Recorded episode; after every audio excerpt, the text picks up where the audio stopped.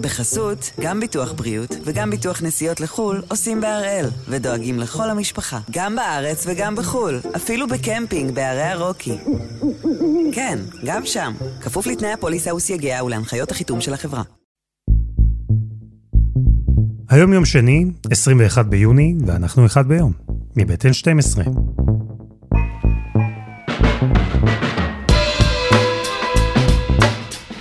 אני אלעד שמחיוף, ואנחנו כאן כדי להבין טוב יותר מה קורה סביבנו, סיפור אחד ביום, כל יום.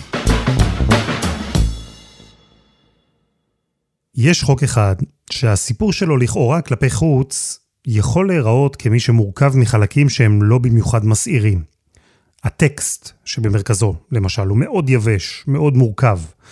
על אף האמור בכל דין לרבות סעיף 7 לחוק האזרחות, שר הפנים לא יעניק לתושב אזור או לאזרח או לתושב של מדינה המנויה בתוספת אזרחות לפי חוק האזרחות ולא ייתן לו רישיון לישיבה בישראל לפי חוק הכניסה לישראל. יבש. ולא רק זה, גם הפרקטיקה סביב החוק לא תמיד אותתה שיש כאן דרמה. נכון, היו ויכוחים, היו דיונים, אבל בכל שנה, כמו שעון, כבר המון זמן, היו באופן כמעט טכני מחליטים להשאיר את החוק הזה כמו שהוא. אלא שהפעם, היום, משהו השתנה. ופתאום הסיפור הזה הפך למסעיר, לסוער. פתאום הוא גורם למשבר פוליטי, פתאום הוא מעמיד בסימן שאלה את היציבות של הקואליציה. פתאום מדברים על ישראלים ופלסטינים, יהודים וערבים. אז הפעם אנחנו עם הסיפור של חוק האזרחות והכניסה לישראל, בסוגריים, הוראת שעה, או כמו שהוא מכונה, איחוד משפחות. ואיך החוק הזה הפך, אולי באופן מפתיע, לסערה הפוליטית הכי גדולה היום.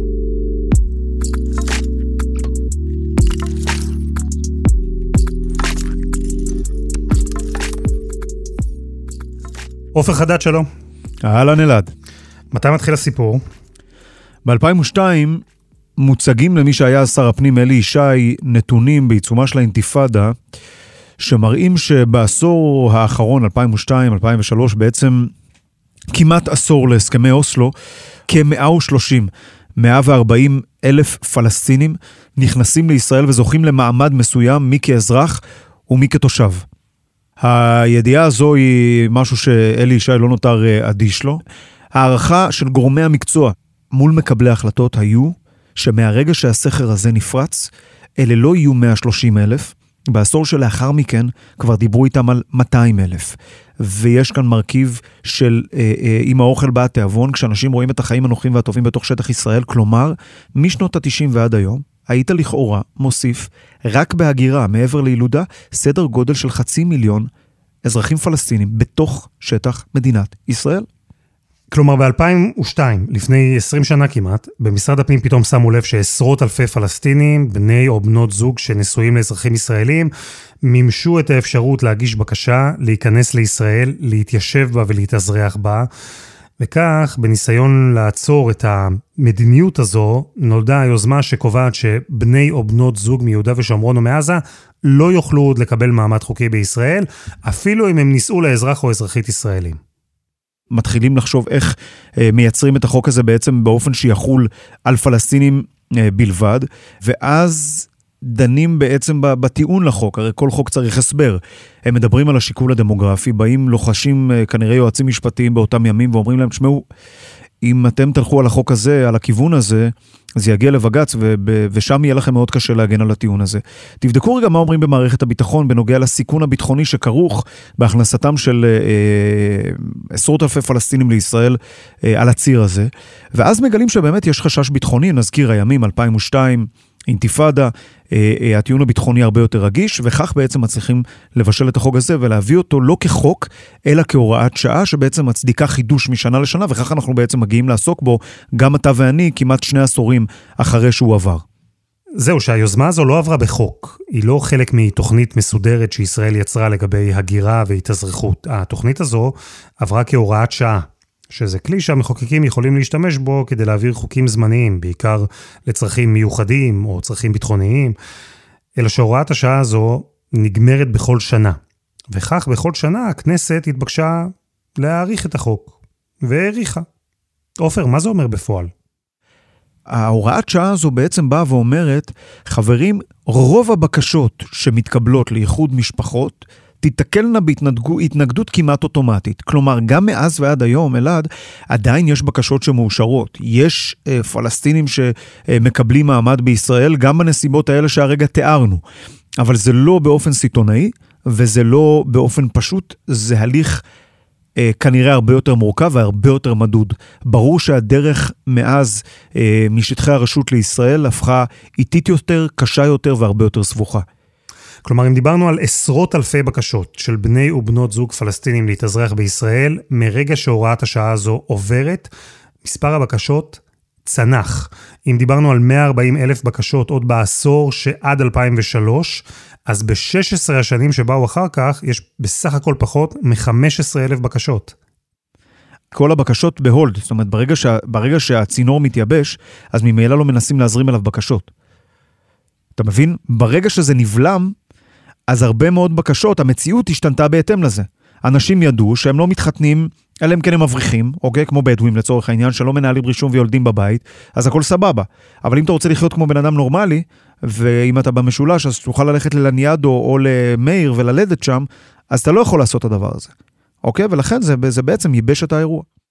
ובאופן רשמי ישראל אימצה את הטיעון הביטחוני. כשהם מעריכים את ההוראה בעוד שנה למשל, מסבירים שזה נעשה על בסיס חוות דעת עדכנית של גורמי הביטחון המוסמכים. הטענה בין היתר היא שבעזרת איחוד המשפחות יכולים מחבלים פלסטינים להתחתן עם אזרחים ישראלים ולמעשה לקבל כרטיס כניסה ומעמד חוקי בארץ. מבחינת מערכת הביטחון, הטיעון הזה עוד רלוונטי?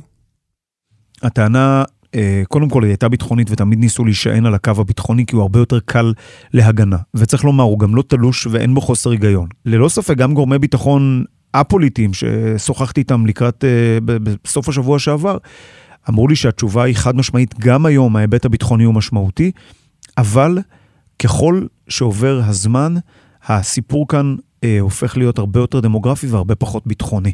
ולכן גם יהיה הקושי המסוים כנראה אה, להגן על זה לאורך זמן כהוראת שעה, להאריך אותה כל פעם שוב ושוב.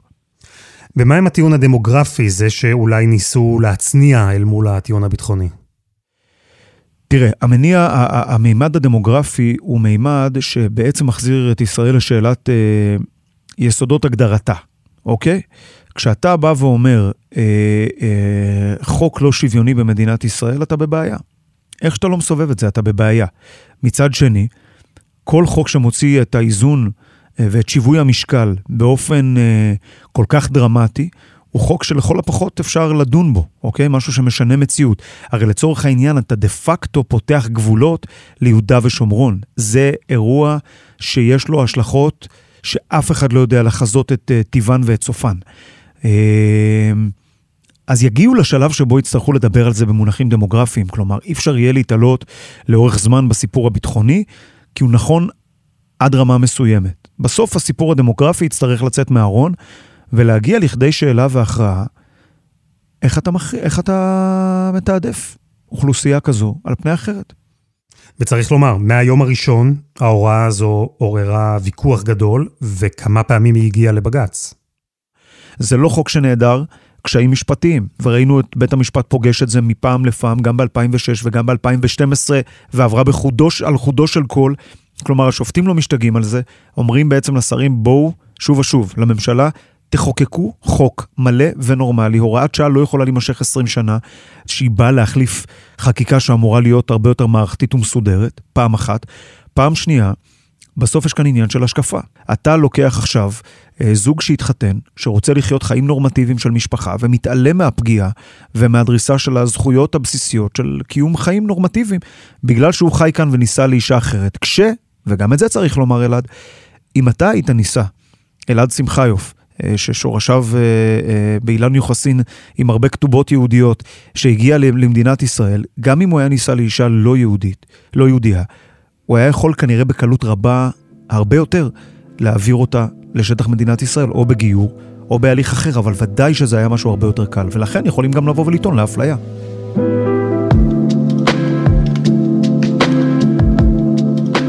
אז למרות הביקורת, בג"ץ בעצם השאיר את החוק כמו שהוא. נכון, הוא עבר כמה שינויים קלים במהלך השנים, אבל השורה התחתונה זהה. בני או בנות זוג של אזרחים ישראלים שהגיעו מיהודה, שומרון או עזה, לא מקבלים מעמד חוקי בישראל. החוק קיים וגם הוויכוח. חסות אחת וממש מיד חוזרים.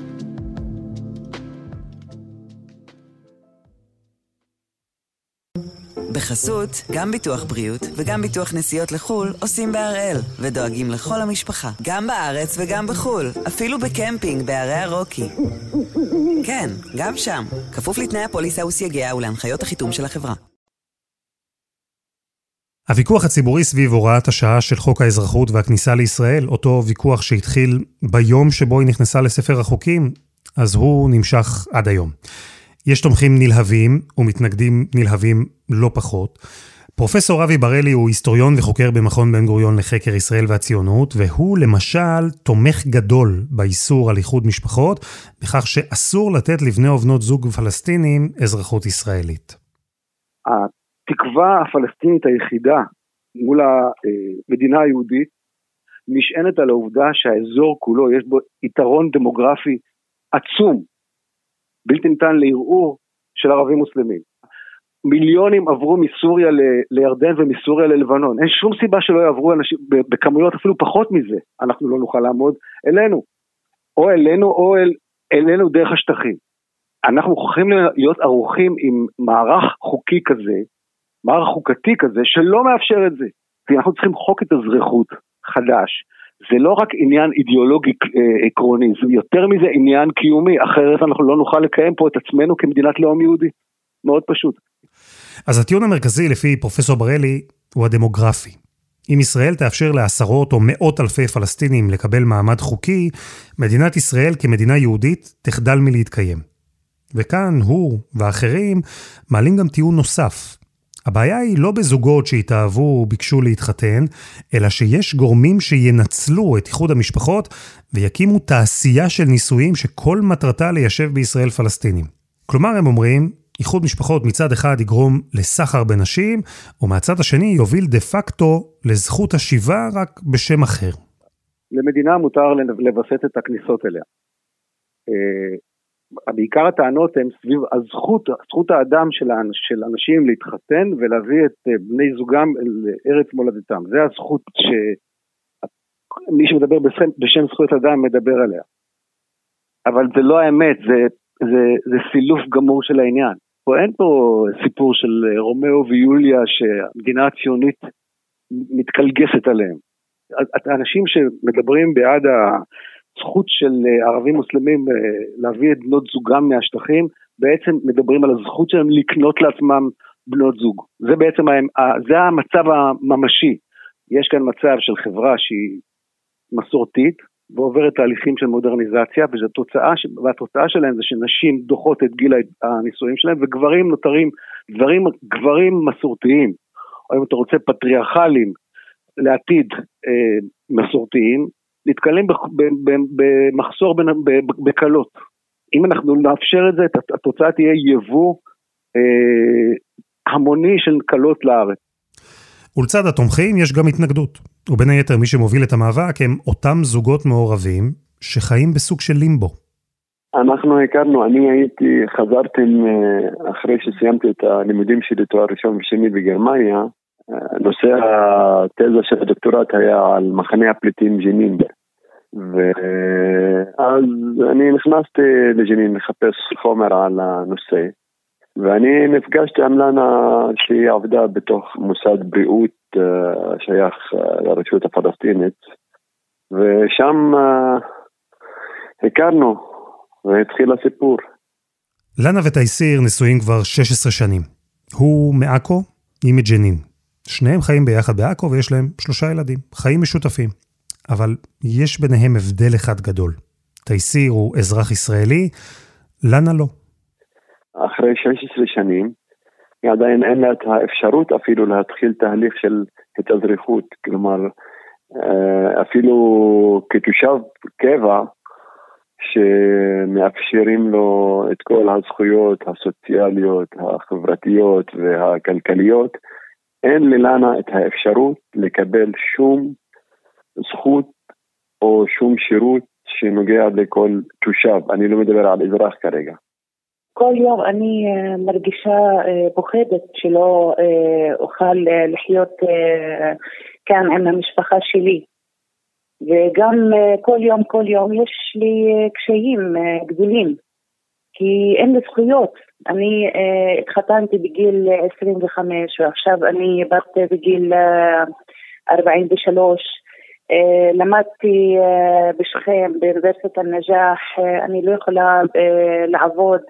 אה, עכשיו אה, זה קשה מאוד, אה, לא יכולה לנהוג, לא יכולה לקבל טיפול רפואי.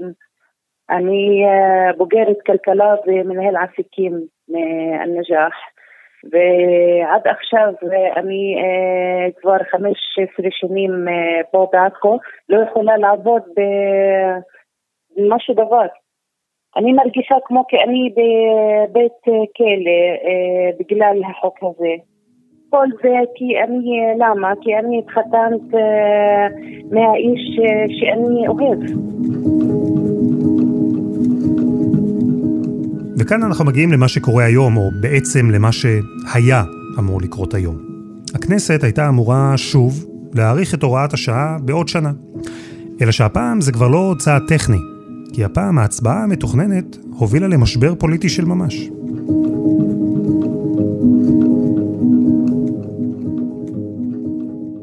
דפנה ליאל, שלום. שלום אלעד.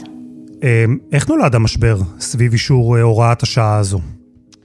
תראה, המשבר אה, נולד אה, מכך שבפני הקואליציה מובאים שורה ארוכה של דברים שמגיעים לשולחנה רק מעצם זה שהגיע תאריך מסוים. הוראות שעה שפוקע התוקף שלהם, כל מיני דברים שצריכים אה, לאשרר מחדש וכדומה. עכשיו, בקואליציה הומוגנית זה עובר בלי בעיה. בקואליציה הזו, גם הסוגיה הזו של איחוד משפחות היא כמובן סוגיה נפיצה.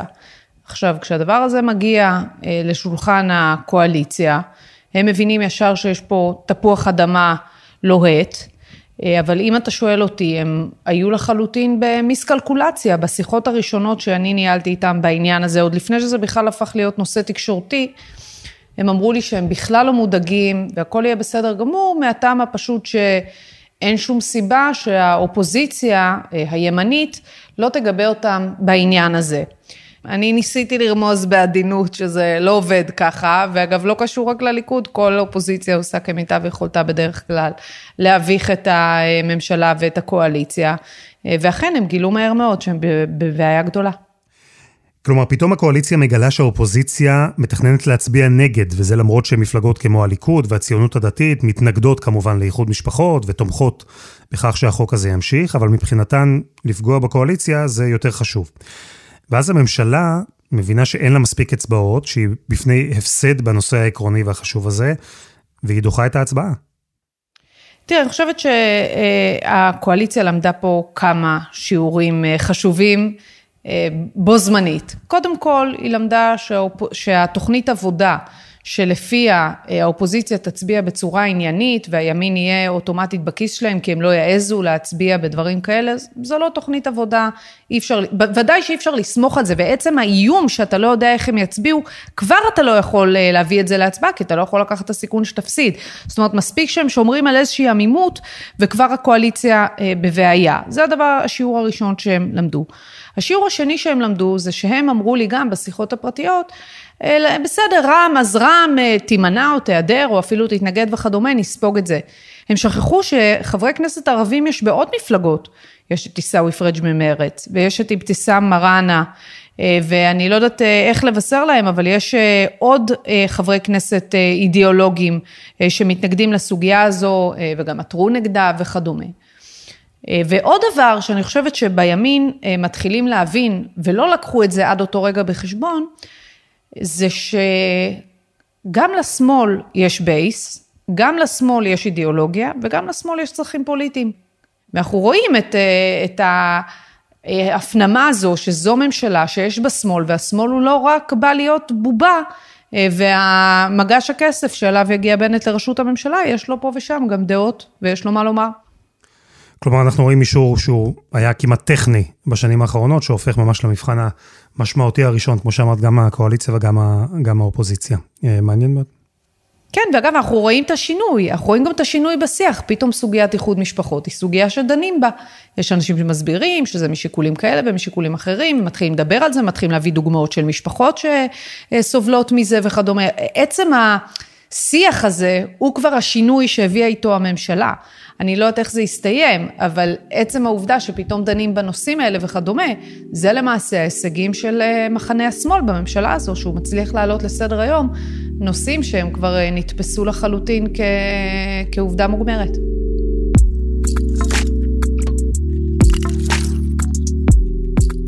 דפנה ליאל, תודה רבה. תודה. ונאמר תודה גם לעופר חדד, לפרופסור אבי בראלי, לתייסיר ולנה חטיב. וזה היה אחד ביום מבית N12. אפשר למצוא אותנו ב-N12 ובכל אפליקציות הפודקאסטים. אנחנו גם בפייסבוק, חפשו אחד ביום, תמצאו את הקבוצה המאוד תוססת שלנו שם. העורך שלנו רום אטיק, בצוות עדי חצרוני ודני נודלמן, על הסאונד יאיר בשן, שגם יצר את מוזיקת הפתיחה שלנו, ואני אלעד שמחיוף. אנחנו נהיה כאן גם מחר.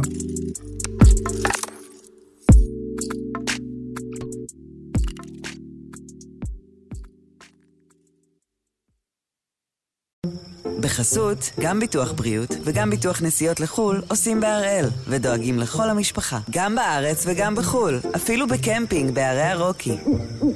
כן, גם שם, כפוף לתנאי הפוליסה וסייגיה ולהנחיות החיתום של החברה.